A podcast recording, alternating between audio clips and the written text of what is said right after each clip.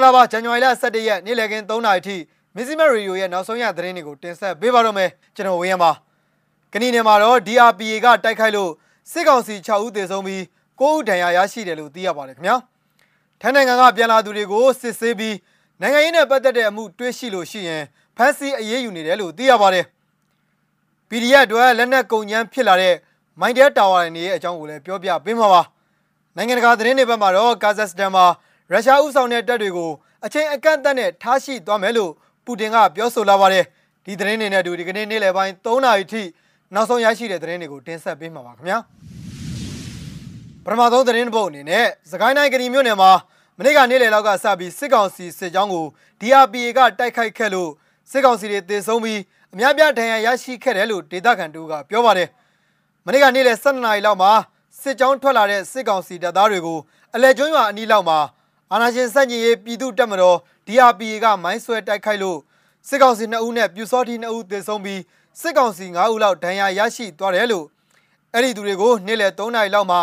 လှဲနဲ့ကဏီမျိုးပေါ်ကိုသွားပို့တာကို DRPA ကလက်လုံလက်နက်ကြီးနဲ့လမ်းကဖြတ်တိုက်တဲ့အတွက်စစ်ကောင်စီတပ်သား2ယောက်သေတဲ့အပြင်၄ဦးထပ်မံဒဏ်ရာရရှိခဲ့တယ်လို့သိရပါတယ်ခင်ဗျာစုစုပေါင်းသေတာကခွေး၄ကောင်နဲ့ပြူ2ကောင်သေတယ်စစ်ခွေး၉ကောင်လည်းဒဏ်ရာရသွားတယ်သေတဲ့၄ကောင်တွေကတကောင်ကစစ်ခွေးအရာခံဘိုးလို့ DRPA ရဲ့တာဝန်ရှိသူတူကပြောပါတယ်ခင်ဗျာဇန်နဝါရီ10ရက်နေ့ည7:00နာရီလောက်ကလည်းကဏီမြို့ပေါ်မှာကင်းလှည့်နေတဲ့စစ်ကောင်စီတပ်သားတွေကို DRPA ကပြစ်ခတ်တိုက်ခိုက်ခဲ့ရမှာစစ်ကောင်စီတပ်သား2ဦးသေဆုံးပြီး9ဦးဒဏ်ရာရရှိခဲ့တယ်လို့သိရပါတယ်ခင်ဗျာနောက်ထပ်သတင်းပုတ်အနေနဲ့ထိုင်းနိုင်ငံမဲဆောက်မြို့နယ်စပ်ဂိတ်ကနေတဆင့်မြန်မာနိုင်ငံမြောက်ရီမြို့ကိုပြန်လာတဲ့ပြည်တော်ပြန်မြန်မာနိုင်ငံသားတွေကိုကွာရန်တင်းစင်တာမှာကျန်းမာရေးနဲ့မသက်ဆိုင်တဲ့အကြောင်းအရာတွေကိုမေးမြန်းစစ်ဆေးပြီးဖမ်းဆီးမှုတွေရှိနေကြောင်း မြန်မာလူသမားရေးကူညီဆောင်ရွက်ပေးနေသူ KDG Helpingham General Service ရဲ့တာဝန်ရှိသူကပြောပါတယ်မဲဆောက်မြောက်ရီအမှတ်နှစ်ချစ်ကြည်ရေးတရားကနေတဆင့်မြန်မာဘက်ကိုရောက်ရှိလာသူတွေကို COVID-19 ကူးစက်ရောဂါစစ်ဆေးဖို့အတွက်သက်ဆိုင်ရာ quarantine center မှာထားရှိပြီးတဲ့နောက်စစ်ကောင်စီဝန်ထမ်းတွေကဖုန်းတွေကိုစစ်တာတွေ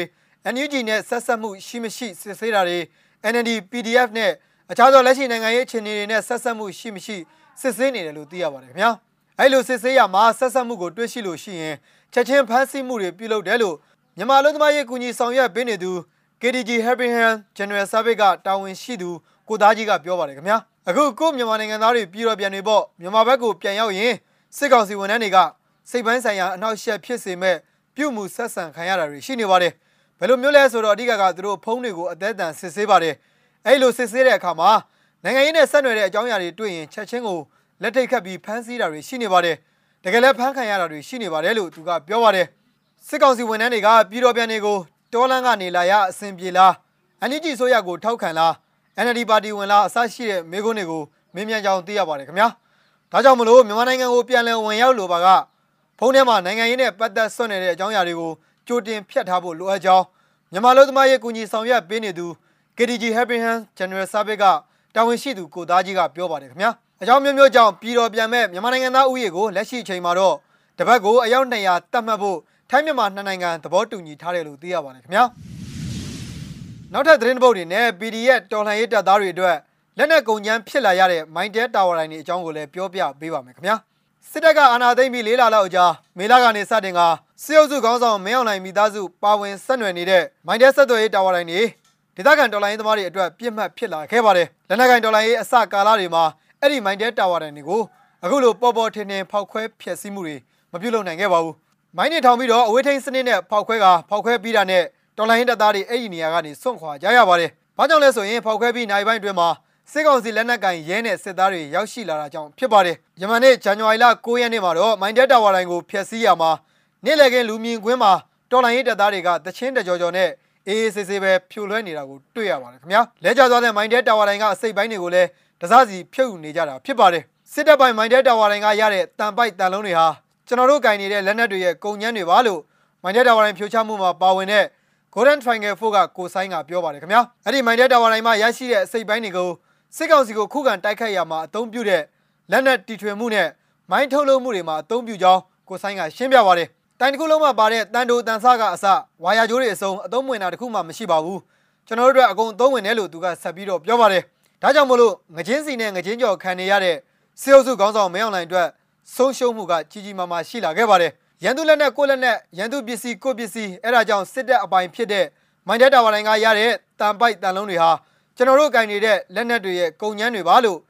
ကိုဆိုင်ကဆက်ပြီးတော့ပြောပါတယ်ဒီဇင်ဘာလအစပိုင်းမှာစစ်ကောင်စီကထုတ်ပြန်လာတဲ့စီးရင်တွေအရတနိုင်ငံလုံးမှာမိုင်းတဲတာဝါတိုင်းဖျက်ဆီးခံရတဲ့တိုင်ပေါင်း360ရှိပြီဖြစ်ကြောင်းသိရပါတယ်ခင်ဗျာအဲ့ဒီမိုင်းတဲတာဝါတိုင်းတစ်ခုအတွက်တန်ကြီးကတော့ မြန်မာကျပ်ငွေ7,200ခန့်တန်ကြောင်းမိုင်းတဲအင်ဂျင်နီယာအတိုင်းဝိုင်းထံကနေသိရပါတယ်ခင်ဗျာကျွန်တော်တို့ဒေသမှာတော့မိုင်းတဲတာဝါတိုင်းမရှိသလောက်ကိုဖြစ်နေပြီးကျွန်တော်တို့တစ်ဖွဲ့တည်းတင်ကိုမိုင်းတဲတိုင်6တိုင်ကျော်လောက်အထိဖျက်ဆီးပြီးပြီလို့ Golden Triangle ဖို့ကကိုဆိုင်ကပြောပါတယ်ဒါကြောင့်မလို့ဒေသခံပြည်သူ့ကာကွယ်ရေးတပ်သားတွေပြစ်မှတ်ထားလှုပ်ဆောင်တဲ့မိုင်းတဲတာဝါတိုင်းမစ်ရှင်ကတော့တစ်ချက်ခုတ်နှစ်ချက်ပြတ်အကျိုးရှိတဲ့အစီအစဉ်ဖြစ်ခဲ့ပါတယ်ခင်ဗျာ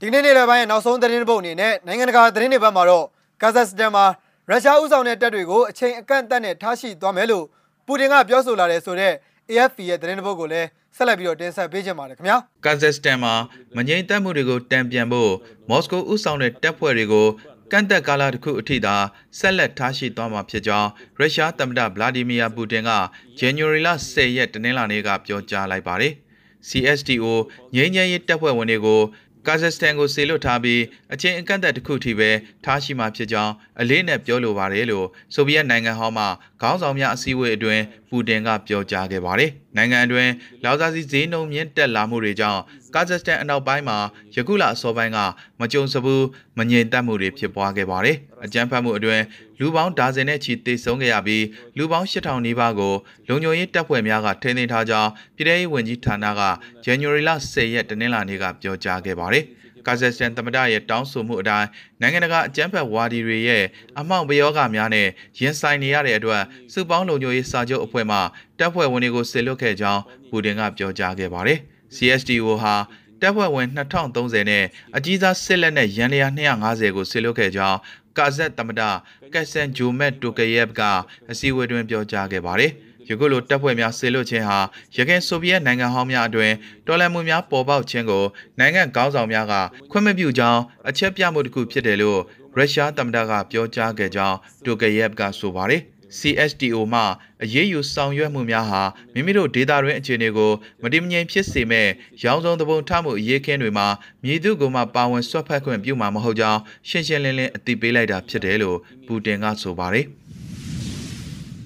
ဇန်နဝါရီလ17ရက်နေ့လည်ခင်း3နာရီထိနောက်ဆုံးရရှိခဲ့တဲ့သတင်းတွေကိုတင်ဆက်ပေးခဲ့တာပါခင်ဗျာမီဇီမရေဒီယိုကိုစောင့်မျှော်နားဆင်ကြတဲ့ပြည်သက်အပေါင်းကိုစိတ်နှပြချမ်းသာချမ်းသာကြပါစေလို့ဆုမွန်ကောင်းတောင်းလိုက်ရပါတယ်ထူးခြားတဲ့သတင်းတွေနဲ့အတူကျွန်တော်တို့မကြခင်မှာပြန်လည်ဆုံတွေ့ကြပါမယ်ခင်ဗျာ